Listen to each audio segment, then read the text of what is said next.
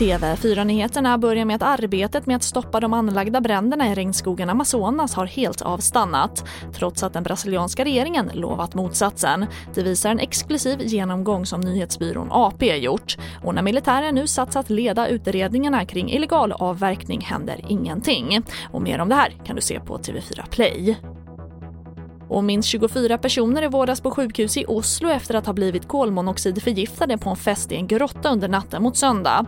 Enligt polisen tros orsaken till förgiftningen vara att kolmonoxiden kom från ett aggregat som användes som strömförsörjare under festen.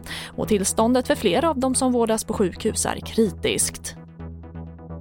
Och i Ronneby i Blekinge var det oroligt igår kväll sedan ett 20-tal personer kastat sten och betett sig våldsamt mot polis och räddningstjänst.